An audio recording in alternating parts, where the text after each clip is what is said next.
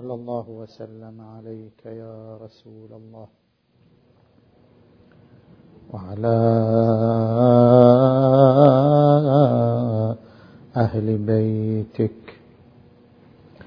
المعصومين المنتجبين يا ليتنا كنا معكم. فنفوز فوزا عظيما. أعوذ بالله من الشيطان الغوي الرجيم. بسم الله الرحمن الرحيم.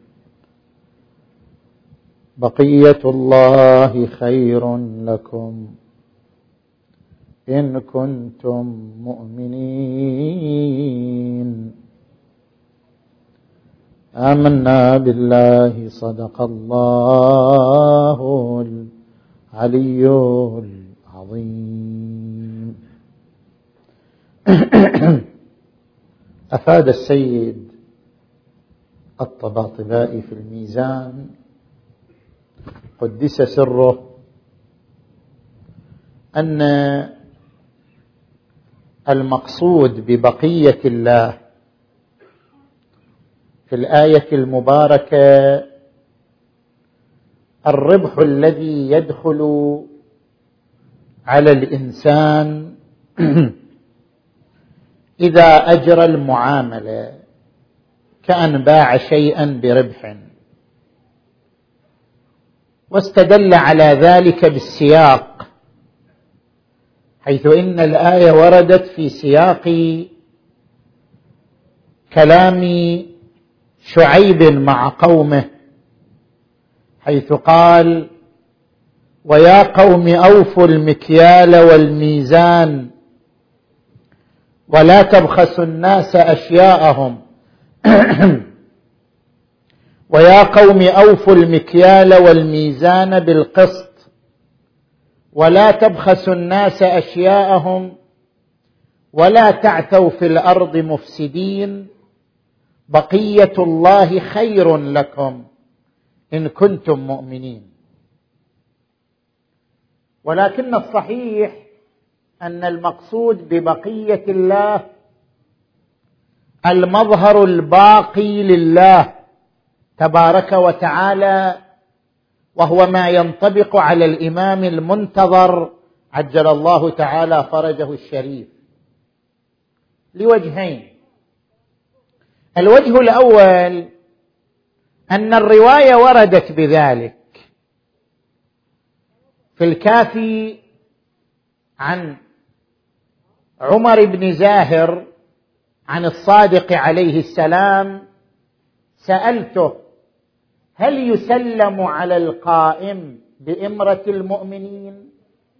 يعني يقال للقائم يا أمير المؤمنين؟ قال لا. ذاك اسم يختص بعلي بن أبي طالب عليه السلام. لم يسم به أحد قبله ولا يتسمى به أحد بعده إلا أن يكون كافرا. قلت بما يسلم على القائم؟ قال أن تقول السلام عليك يا بقية الله.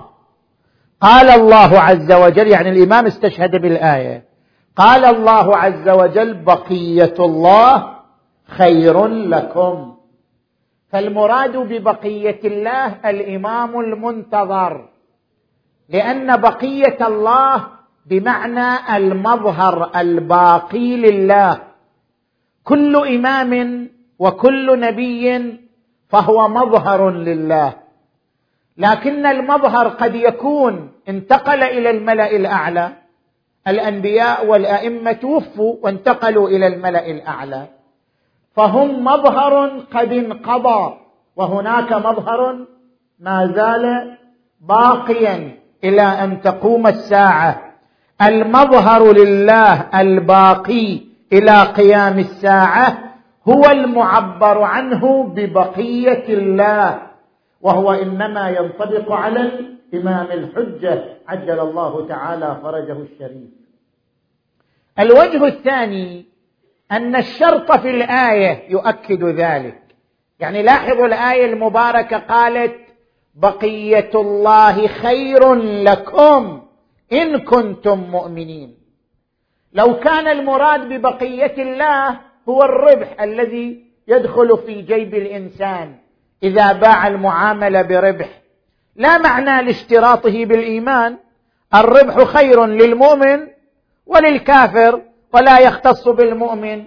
بينما الآية جعلت بقية الله خيرا لخصوص المؤمنين. بقية الله خير لكم إن كنتم مؤمنين وهذا لا ينطبق إلا على ملجأ المؤمنين وملاذ المؤمنين. الإمام الحجة عجل الله تعالى فرجه الشريف فهو الخير الذي يكون مشروطا بالإيمان والصلاح. اذا الآية تتحدث عن الإمام الحجة ورودها في سياق الآيات التي تتحدث عن شعيب مع قومه لا ينافي عمومها وسعتها لغير زمان شعيب بل لجميع الأزمنة. نحن عندما نريد أن نتحدث عن الإمام الحجه هذه الليلة ليلة الجمعة مفتاح ليالي عاشوراء المبارك نتحدث عن الإمام الحجة في محاور ثلاثة.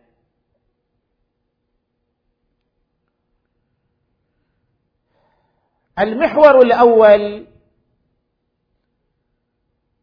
هل أن الإمام غائب أم حاضر؟ والمحور الثاني هل أن هدفنا لقاء الإمام عليه السلام أم لا؟ والمحور الثالث في علاقة الحب والعشق بالإمام المنتظر عجل الله تعالى فرجه الشريف. نجي الآن إلى المحور الأول. كيف نتعامل مع قضية الإمام المنتظر؟ هناك اتجاهان اتجاه مادي واتجاه روحي. الاتجاه المادي هو الذي يتعامل مع الإمام المنتظر كإنسان غائب. الإمام المنتظر شخص غائب ينتظر قدومه. مسافر ينتظر مجيئه. لأجل أننا نتصور أن الإمام المنتظر إنسان غائب إنسان مسافر نرتجي قدومه نرتقب مجيئه. لذلك ترى كثيرا من الشيعة كثيرا من الأقلام كثيرا من المتحدثين يركز على القضايا المادية. ما هي علامات الظهور؟ ما هو شكل الإمام؟ ما هو شكل سيف الإمام؟ ما هو شكل درع الإمام؟ لباس الإمام؟ خاتم الإمام؟ هذا التركيز على القضايا المادية يعبر عن اتجاه مادي وهو أن الإمام جسد غاب عن الأنظار ومسافر غاب عن الأعين يرتجى قدومه يوما من الأيام. لذلك لا بد أن نبحث عن علامات قدومه وعلامات مجيئه حتى نميزه عن غيره. هذا نسميه بالاتجاه المادي. هناك اتجاه آخر وهو الاتجاه الروحي. الإمام حاضر وليس بغائب. ليس الإمام جسدا. حتى نبحث متى يأتي ذلك الجسد. الإمام كسائر الناس له جسد مكون من دم ولحم لكن ليست الإمامة منوطة بجسده. الذي لا تراه أو الذي غاب عنك هو الجسد لكن الإمامة ليست منوطة بالجسد. الإمامة مجموعة من القيم مجموعة من المبادئ. مجموعة من المثل. الإمام ليس جسدا اختفى وراء جدار أو غاب عن الأنظار. الذي غاب واختفى هذا اختفاء جسدي. لكن الإمامة هي مجموعة من المبادئ وهذه المبادئ حاضرة وقائمة وفاعلة وليست غائبة. الإمام بمبادئه الإمام بمثله الإمام بقيمه وليس الإمام بجسده المادي بما أن الإمام مجموعة من القيم مجموعة من المثل. اذا فالإمام حاضر وليس بغائب لأن هذه المبادئ حاضرة وفاعلة. فعلينا أن نتعامل مع الإمام كحاضر لا أن نتعامل مع الإمام كغائب. هناك مبادئ هي الإمام نفسه. وهذه المبادئ هي التي تقررها الآية المباركة. كنتم خير أمة أخرجت للناس تأمرون بالمعروف وتنهون عن المنكر. لتكن منكم أمة يدعون إلى الخير ويأمرون بالمعروف وينهون عن المنكر. هذه هي الإمام. الإمام أمر بمعروف ونهي عن منكر الإمام دعوة إلى الخير. هذه المبادئ الحية النشطة المتجددة هي الإمام الحجة. ونحن نتفاعل مع هذه المبادئ تفاعلا حضوريا لا تفاعلا غيابيا. نحن لا نستخف بالعلامات. نعم الروايات الشريفة ذكرت لنا علامات. مثلا ورد في رواية علي بن حنظلة عن الصادق عليه السلام قال خمس علامات قبل قيام القائم. الصيحة وخروج السفياني والخسف وقتل النفس الزكية بين الركن والمقام وخروج اليماني. هذه خمس علامات. وفي معتبرة عبد الله بن سنان إن جميعها محتوم يعني لا بد أن يحصل. وفي رواية أبي بصير وإن أهدى الرايات راية اليماني فإنه يدعوكم إلى صاحبكم.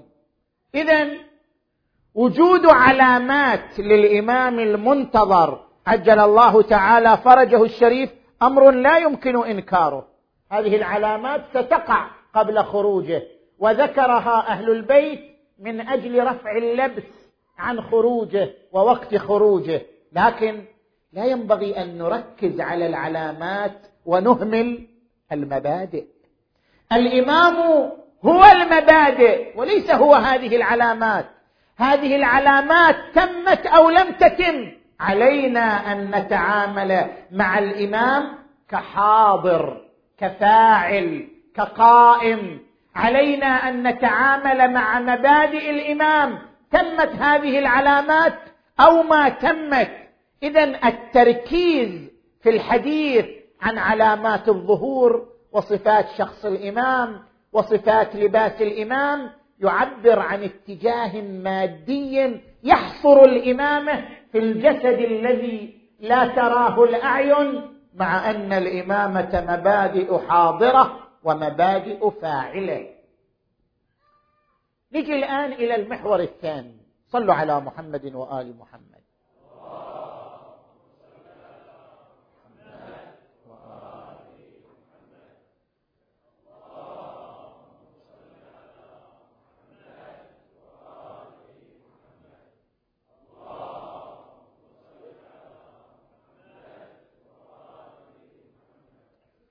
هل هدفنا لقاء الإمام؟ هل نحن نسعى للقاء الإمام عليه السلام أم لا؟ لا إشكال أن الهدف الأسمى والسعادة الكبرى في التشرف بلقاء الإمام الحجة عجل الله تعالى فرجه الشريف. ولكن حتى نفهم هذه النقطة جيدا ركزوا معي. هناك ثلاثة أسئلة نطرحها ونجيب عنها. هل من الممكن لقاء الإمام أساسا أم لا؟ على فرض أنه ممكن فما هي طبيعة هذا اللقاء وحقيقة هذا اللقاء؟ السؤال الثالث أي لقاء يريده الإمام؟ نحن نريد لقاء الإمام لكن هل الإمام يريد لقاءنا أم لا؟ هذه الأسئلة الثلاثة لا بد أن نجيب عليها. التفتوا إليه. السؤال الأول. هل يمكن لقاء الإمام أصلا أم لا يمكن؟ ربما يقول شخص بأن لقاء الإمام باب مسدود باب مغلق. لماذا؟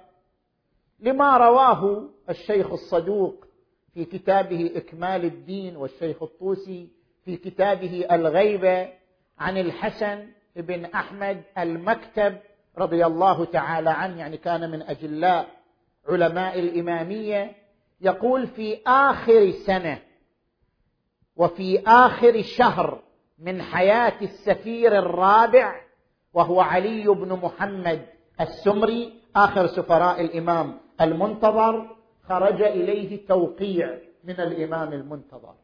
هذا التوقيع يقول بسم الله الرحمن الرحيم.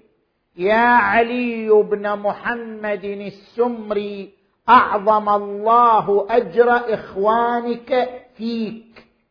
فإنك ميت ما بينك وبين ستة أيام. فلا توصي لأحد يقوم مقامك بعد وفاتك. فقد وقعت الغيبة التامة. ولا خروج إلا بإذن الله. وذلك بعد طول الأمد وقسوة القلوب وامتلاء الأرض جورا.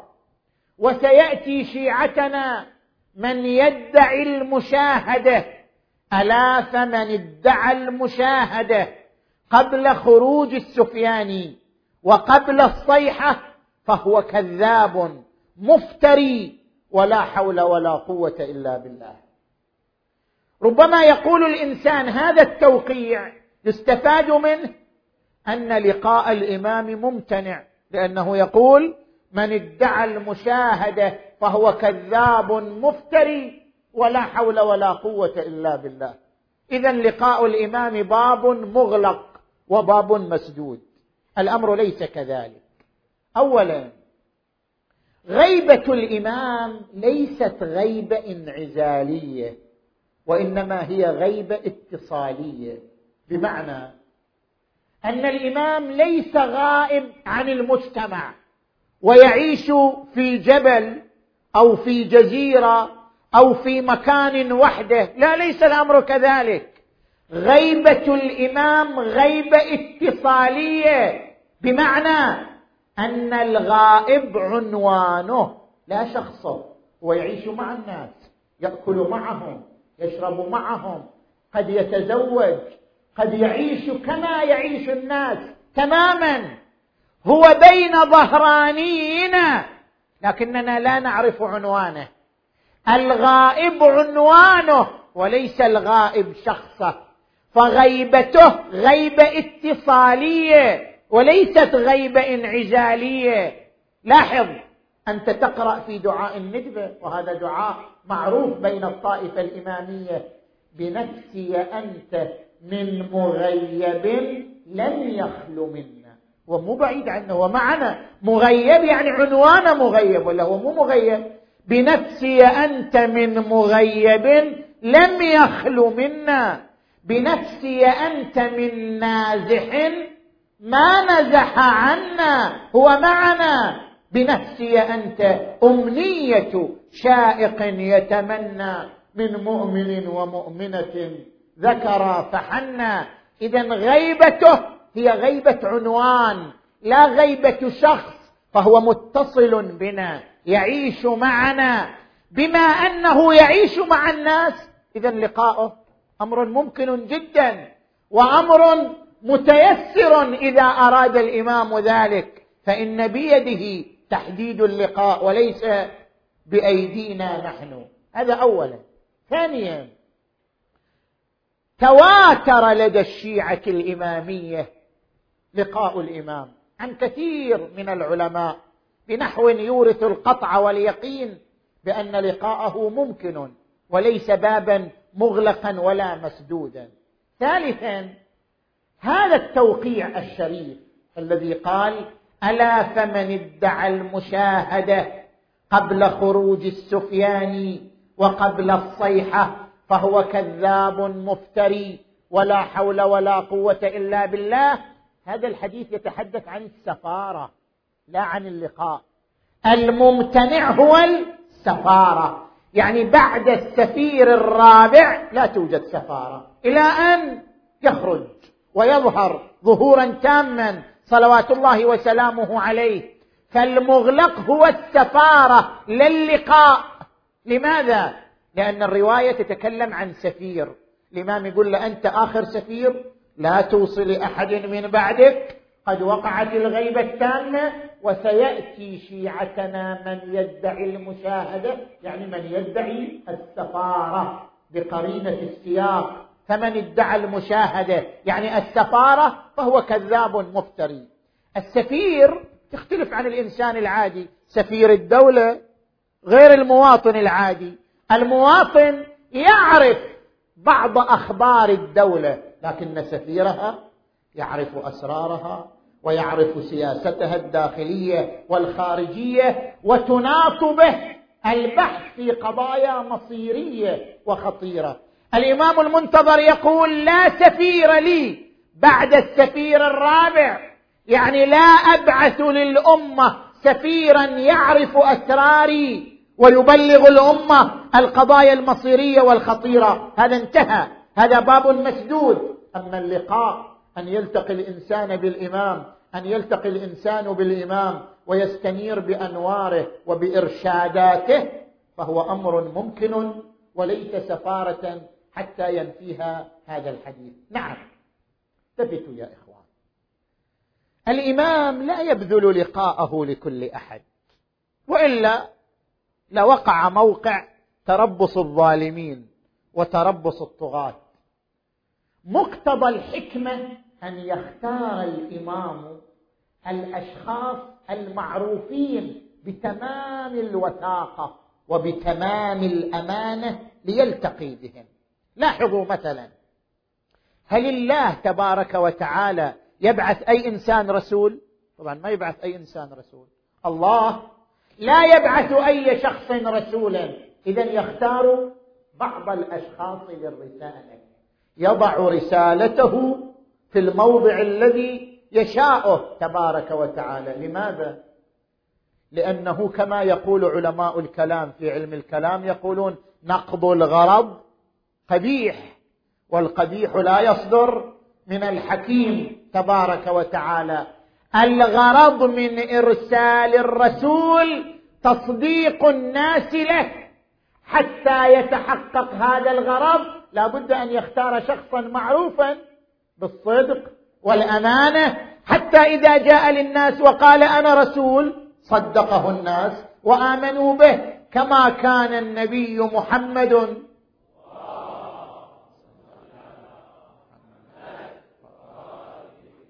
معروفا قبل البعثة بأنه الصادق الأمين. لأنه معروف بالصادق الأمين صار أهلا لأن يكون رسولا لله.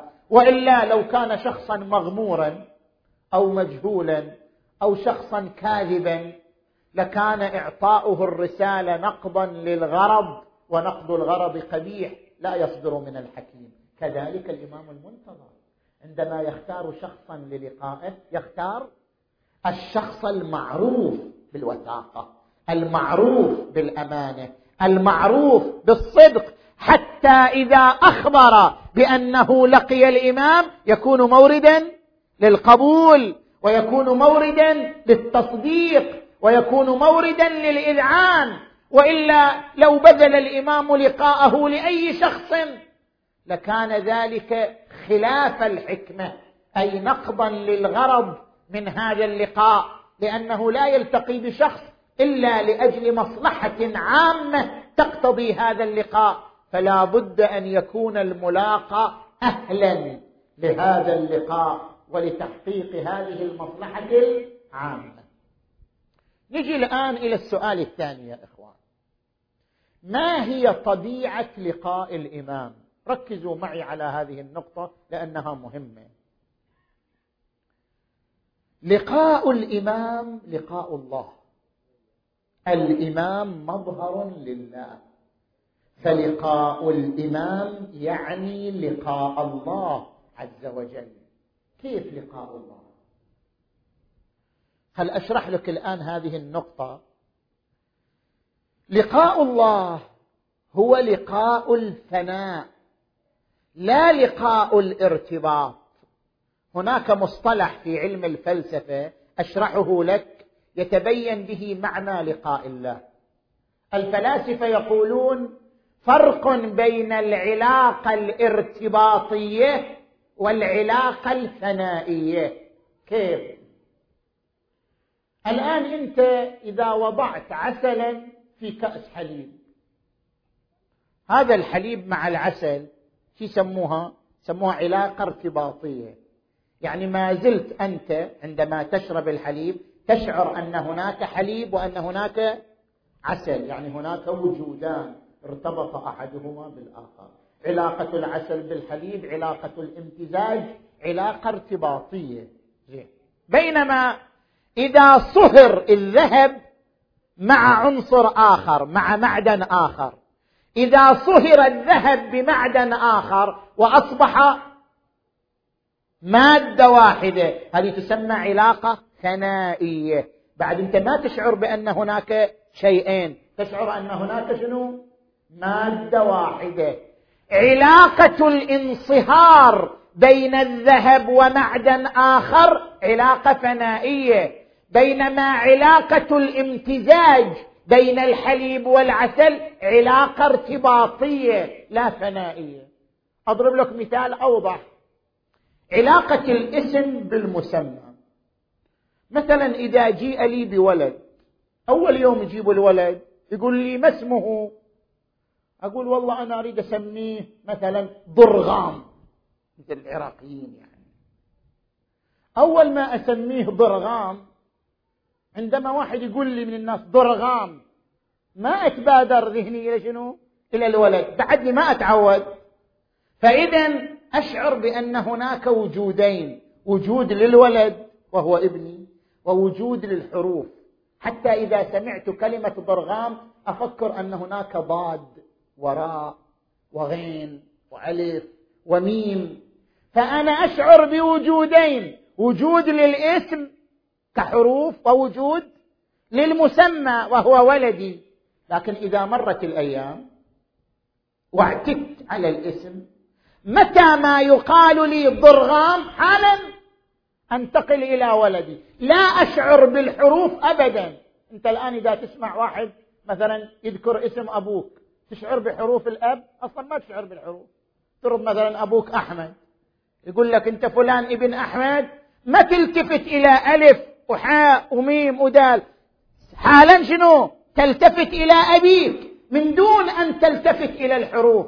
هذه تسمى علاقة ثنائية. ثني الاسم في المسمى.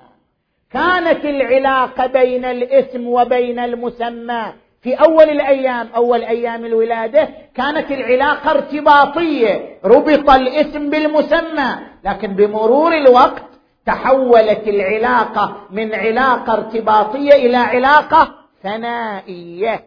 ثني الاسم في المسمى فلا تشعر إلا بالمسمى ولا تشعر بالاسم ابدا. بعد أن عرفنا العلاقة الثنائية شنو؟ لقاؤنا مع الله يجب أن يكون لقاء ثناء مو لقاء ارتباط. نحن علاقتنا مع الله علاقة ارتباط نصلي ونعبد الله. لكن المطلوب أن تكون العلاقة علاقة ثناء ما معنى علاقة ثناء يعني أن لا نشعر بأنفسنا. ليس هناك وجودان وجود لنا ووجود لله. لا لا نشعر إلا بوجود الله.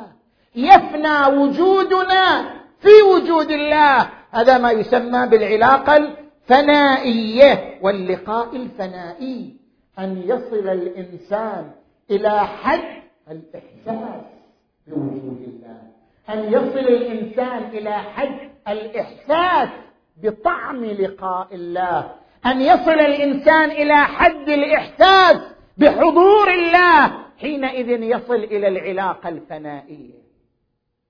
لاحظوا القرآن الكريم يعبر عن العلاقة الفنائية عندما يقول إن الذين يبايعونك إنما يبايعون الله يد الله. هل هم يشعرون بأن يد الله فوق أيديهم؟ هذه تسمى علاقة فنائية. أن يشعر الإنسان أن يد الله تلامس يده يد الله فوق أيديهم. القرآن الكريم يقول ألم يعلموا أن الله هو يقبل التوبة عن عباده ويأخذ الصدقات؟ إحنا إذا ندفع صدقة من الذي يأخذها؟ يأخذها الفقير. لكن القرآن يقول لا يأخذها الله. هل نحن نشعر بأن الله يأخذ منا صدقاتنا؟ هذا الشعور هو العلاقة الفنائية. إذا وصلنا إلى أن نشعر أن الله هو الذي يأخذ صدقاتنا منا وصلنا إلى العلاقة الفنائية ألم يعلموا أن الله هو يقبل التوبة عن عباده ويأخذ الصدقات؟ وقال في آية ثالثة إنه لن ينال الله لحومها ولا دماؤها ولكن يناله التقوى منكم. اذا المطلوب في لقائنا مع الله لقاء الفناء أن لا نشعر بأنفسنا بل لا نشعر إلا بوجود الله. وهذا ما تحدث عنه الإمام الحسين عليه السلام في دعاء يوم عرفة. متى غبت حتى تحتاج؟ إلى دليل يدل عليك. ومتى كانت الآثار هي التي توصل إليك؟ عميت عين. هذه العلاقة الفنائية. عميت عين. لا تراك عليها رقيبا. وخسرت صفقة عبد لم تجعل له من ودك نصيبا. يا إخوان لقاء الإمام المنتظر لقاء الله. لقاء الله هو لقاء الفناء. لقاء الإمام المنتظر هو لقاء الفناء. نجي إلى السؤال الثالث نحن نريد لقاء الإمام. أي منا لا يريد أن يلتقي بالإمام؟ لكن هل الإمام يريد ذلك؟ أم لا؟ علماء العرفان يقولون هناك فرق بين لقاء الأنس ولقاء التشريف. شنو الفرق بينهما؟ لقاء التشريف يعني أن يمن علي الإمام عجل الله تعالى فرجه ويريني طلعته الرشيده وغرته الحميده كما أقول أنا في الدعاء اللهم أرني الطلعة الرشيده والغرة الحميده واكحل ناظري بنظرة مني إليه وعجل فرجه. هذا يعبر عن لقاء التشريف. أنا أريد أن يشرفني الإمام ويكرمني بلقائه. أنا أريد لقاء الشرف. لكن الإمام لا يريد ذلك. الإمام يريد لقاء الأنس. كيف؟ الإمام يريد أن يلتقي بي وهو يأنس بي. الإمام يأنس بأحبائه. مثلك أنت الإنسان العادي تأنس بأحبائك إذا التقيت بهم. الإمام يريد أن يلتقي بي وهو يأنس بي. وهو يفرح بي. وهو يبتهج بي. اذا الإمام لا يريد لقاء تشريف يريد لقاء أنس يريد أن يلتقي بنا وهو آنس بنا فرح بنا مبتهج بنا. وكيف يلتقي الإمام بنا لقاء الأنس؟ إذا لم نكن أهلا لإيناس الإمام. إذا لم نكن أهلا لتفريح قلب الإمام. إذا لم نكن أهلا لإبهاج قول الإمام. اذا الإمام يريد شيء ونحن نريد شيء. نحن نريد أن نبقى على ذنوبنا وأن نبقى على معاصينا وعلى الإمام أن يشرفنا بلقائه ويكرمنا بطلعته لكننا باقون على ذنوبنا ومعاصينا. والإمام ينادينا أنا لا أريد هذا اللقاء. أريد لقاء الأنس. أريد أن ألتقي بكم وأنا آنس بكم. فرح بكم مبتهج بكم. والفرح والبهجة والأنس تتوقف على أن ننصهر بالإمام وأن تكون علاقتنا بالإمام علاقة ثنائية لا ارتباطية. بأن تكون علاقتنا بالإمام علاقة انصهارية. بأن تكون علاقتنا بمبادئ الإمام وقيم الإمام. علاقه انصهاريه ثنائية حتى يكون لقاؤنا مع الإمام لقاء الأنس. وإلا فالإمام يتفضل علينا باللقاء وهو كريم لكنه يريد أن يكرمنا بلقاء يعبر عنه بلقاء الأنس. فما نحن نطلبه غير ما يطلبه الإمام منا. نجي الآن إلى المحور الثالث والأخير. في المحور الثالث والأخير علاقة العشق بالإمام. نحن يا إخوان علاقتنا بالإمام علاقة سطحية علاقة جافة جدا علاقة يابسة. ربما تكون علاقتنا بأساتذتنا أقوى من علاقتنا بالإمام. ربما تكون علاقتنا بأصدقائنا وأحبائنا أقوى من علاقتنا بالإمام. ربما تكون علاقتنا بمراجعنا وزعمائنا أقوى من علاقتنا بالإمام. يجب أن تكون علاقتنا بالإمام علاقة حب وعشق لا مجرد دعاء. نحن ندعو للإمام ولكن ما يريده الإمام منا ليس مجرد لقلقة لسان بالدعاء. يريد علاقة حب وعشق. كي نكون أهلا للقائه واهلا لتكريمه واهلا لتشريفه. علاقة الحب والأنس ما هي؟ الآن أبين عناصرها. هذه العلاقة لها عناصر التفتوا إليها. العنصر الأول صفاء القلب. القلب الذي يحمل حقدا على الناس بعيد عن لقاء الامام القلب الذي يحمل حسدا بغضا ضغينه للآخرين بعيد عن لقاء الإمام.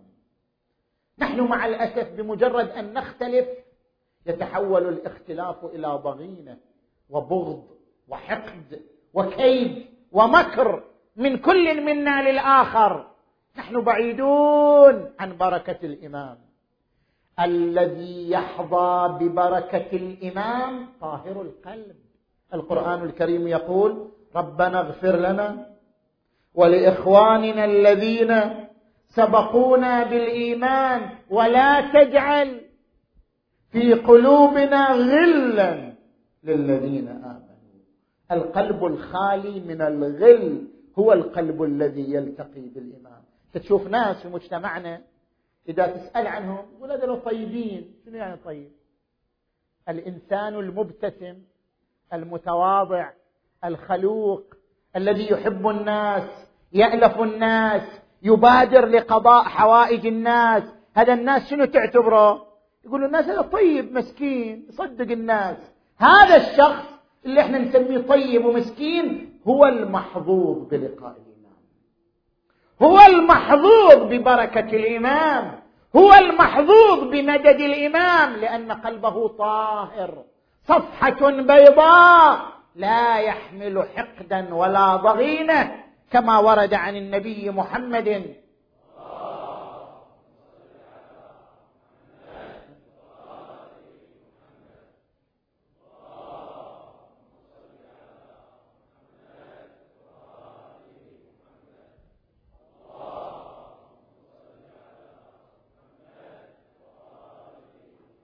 أفاضلكم أحاسنكم أخلاقا. الموطؤون اكنافا الذين يألفون ويؤلفون. المؤمن يألف ويؤلف. هذا الحقيق بلقاء الإمام عليه السلام. العنصر الثاني الطهارة من الذنوب التي تزعج الإمام تؤلم الإمام تبغض الإمام عليه السلام. لاحظوا هذه الرواية رواية مهمة جدا. الشيخ الطبرسي في الاحتجاج يروي عن الإمام المنتظر عجل الله تعالى فرجه الشريف أنه قال لو أن أشياعنا لو أن أشياعنا وفقهم الله لطاعته. الإمام يريد أن يشير إلى شرط اللقاء معه. صلوات الله وسلامه عليه. لو أن أشياعنا وفقهم الله لطاعته كانوا على اجتماع من القلوب. يعني قلوبهم على بعضهم مو قلوب مختلفة على اجتماع من القلوب.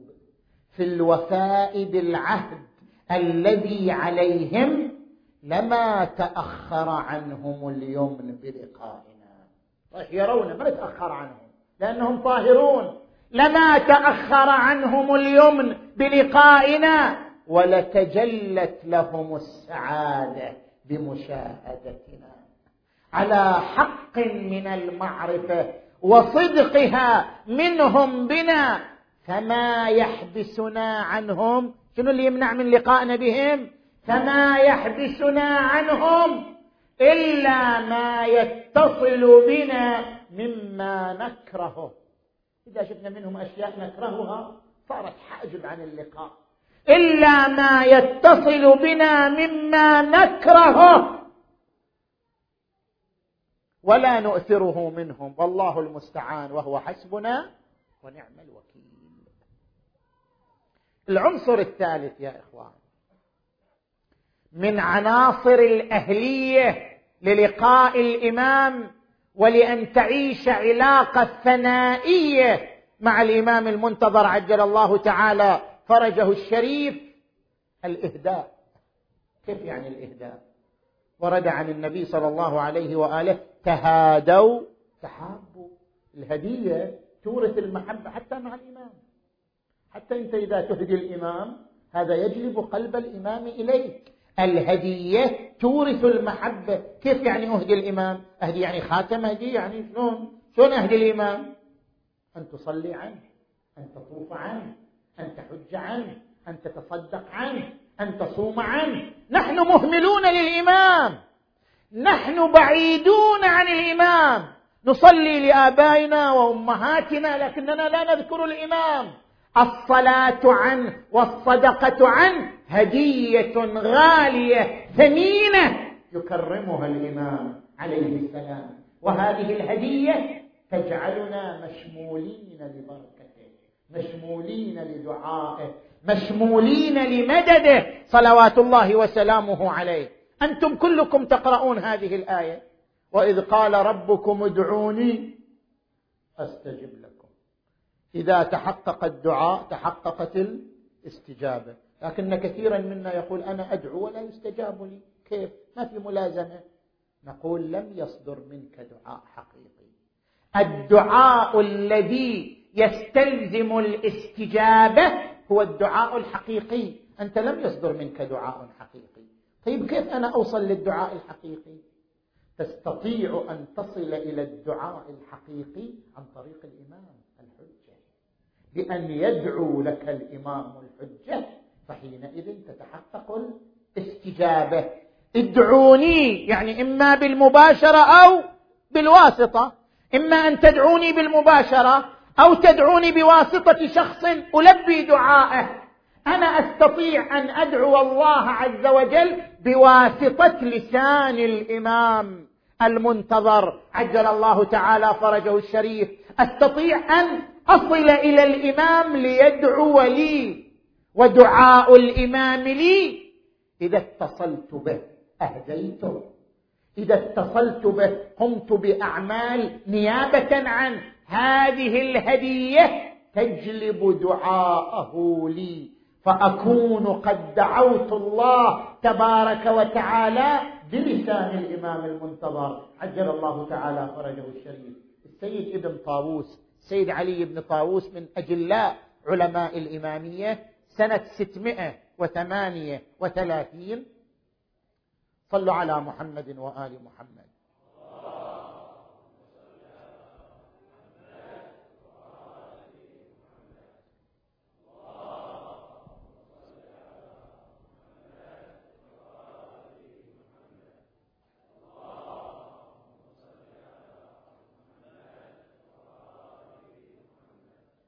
سنة 638 سيد بن طاووس يقول كنت بسر من رأى ليلة الثالث عشر من شهر ذي القعدة سحرا فسمعت صوت الإمام يدعو لشيعته وهو يقول اللهم أبقهم وأحيهم في عزنا ودولتنا وملكنا وسلطاننا.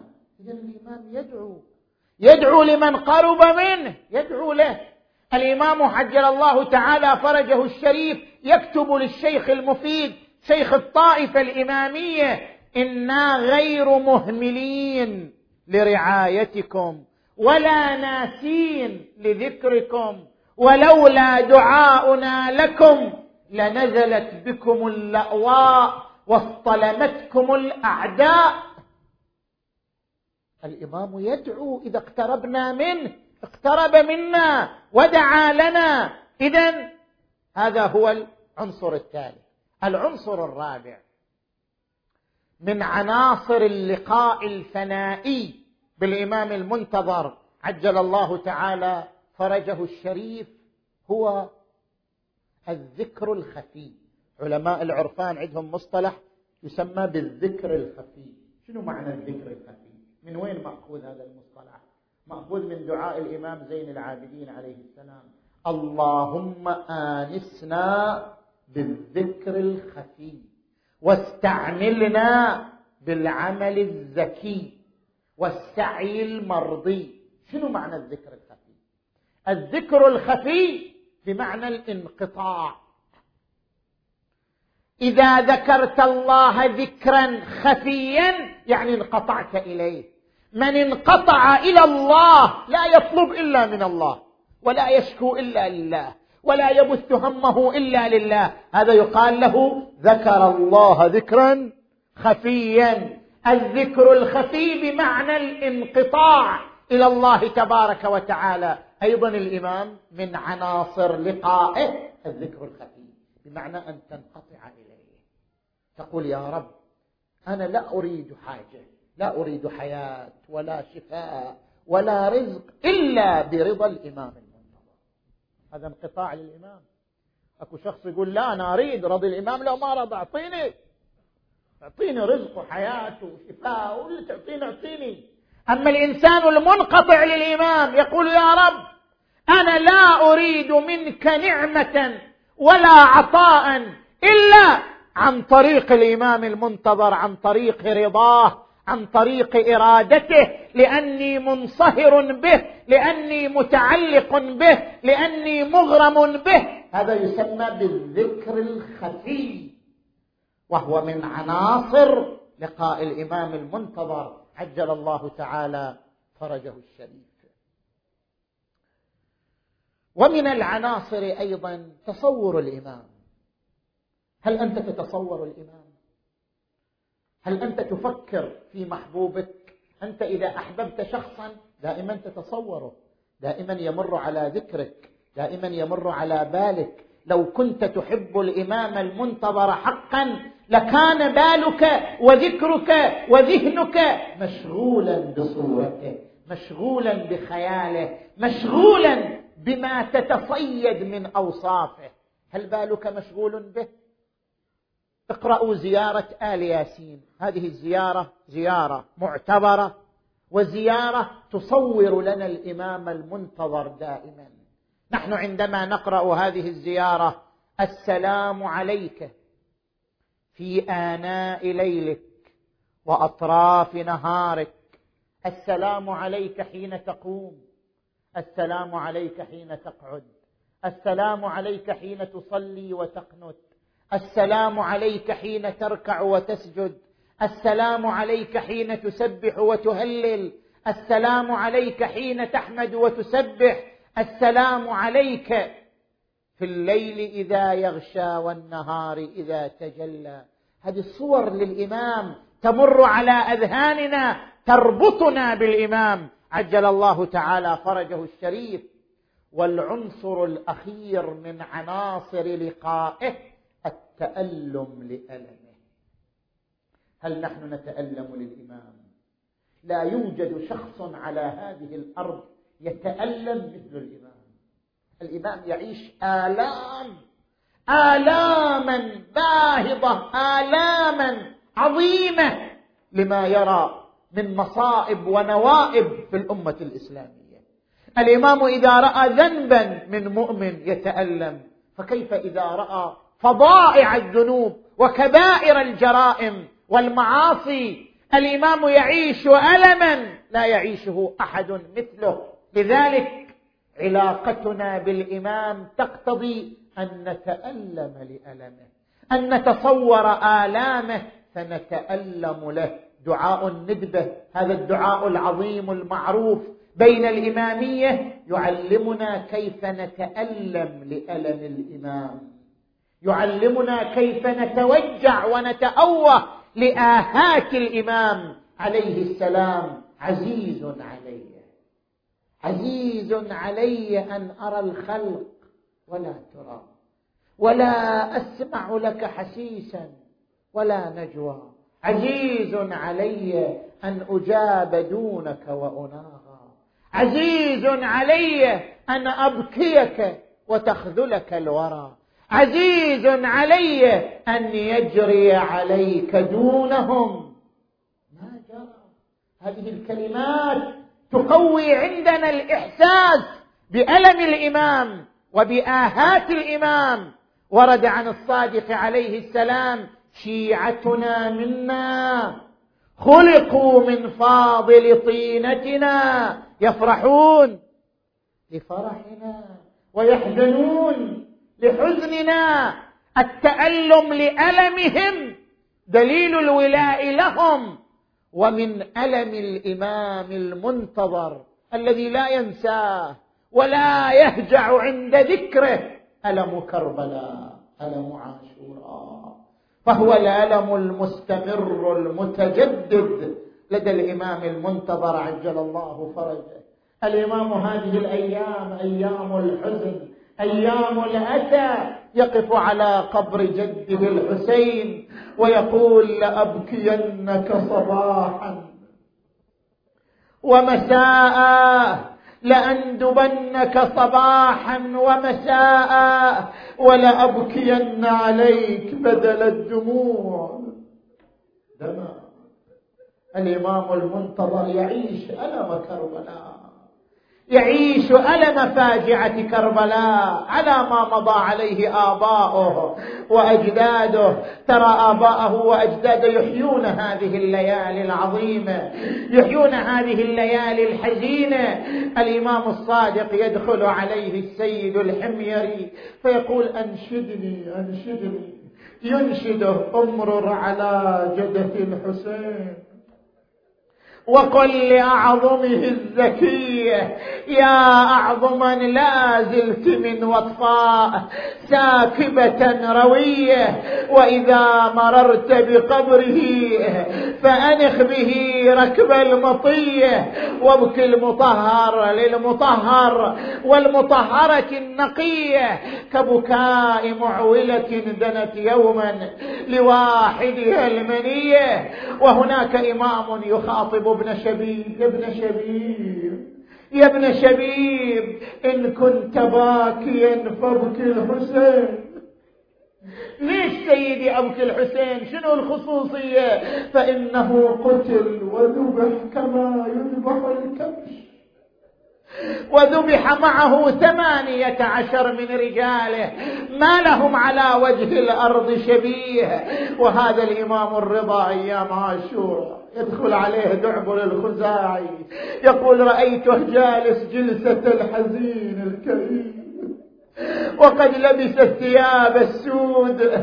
قلت سيدي ماذا بك؟ قال ألم تعلم أن هذه الأيام أيام حزن وأسى علينا أهل البيت. يا دعبل أنشدني شعرا في جدي الحسين.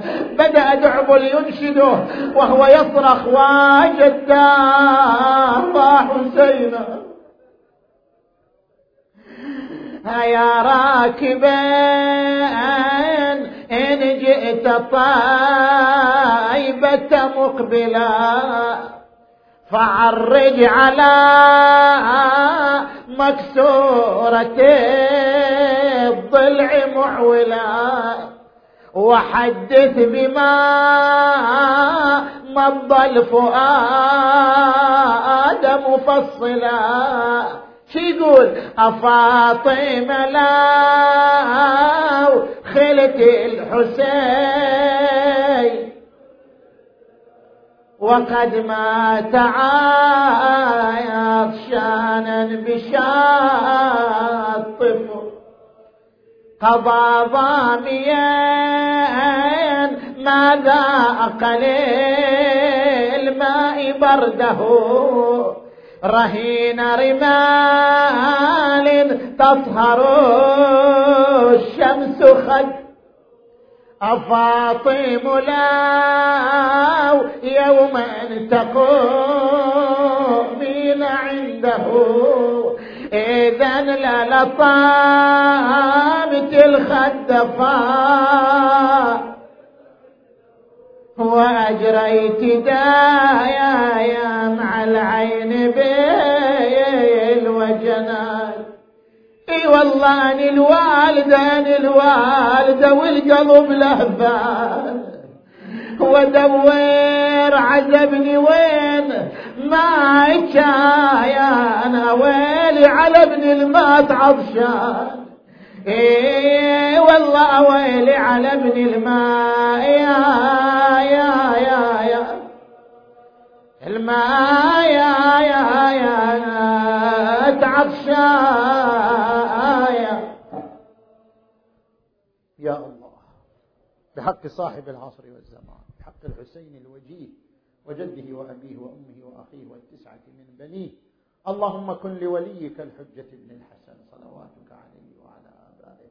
في هذه الساعة وفي كل ساعة وليا وحافظا وقائدا وناصرا ودليلا وعينا حتى تسكنه أرضك طوعا وتمتعه فيها طويلا.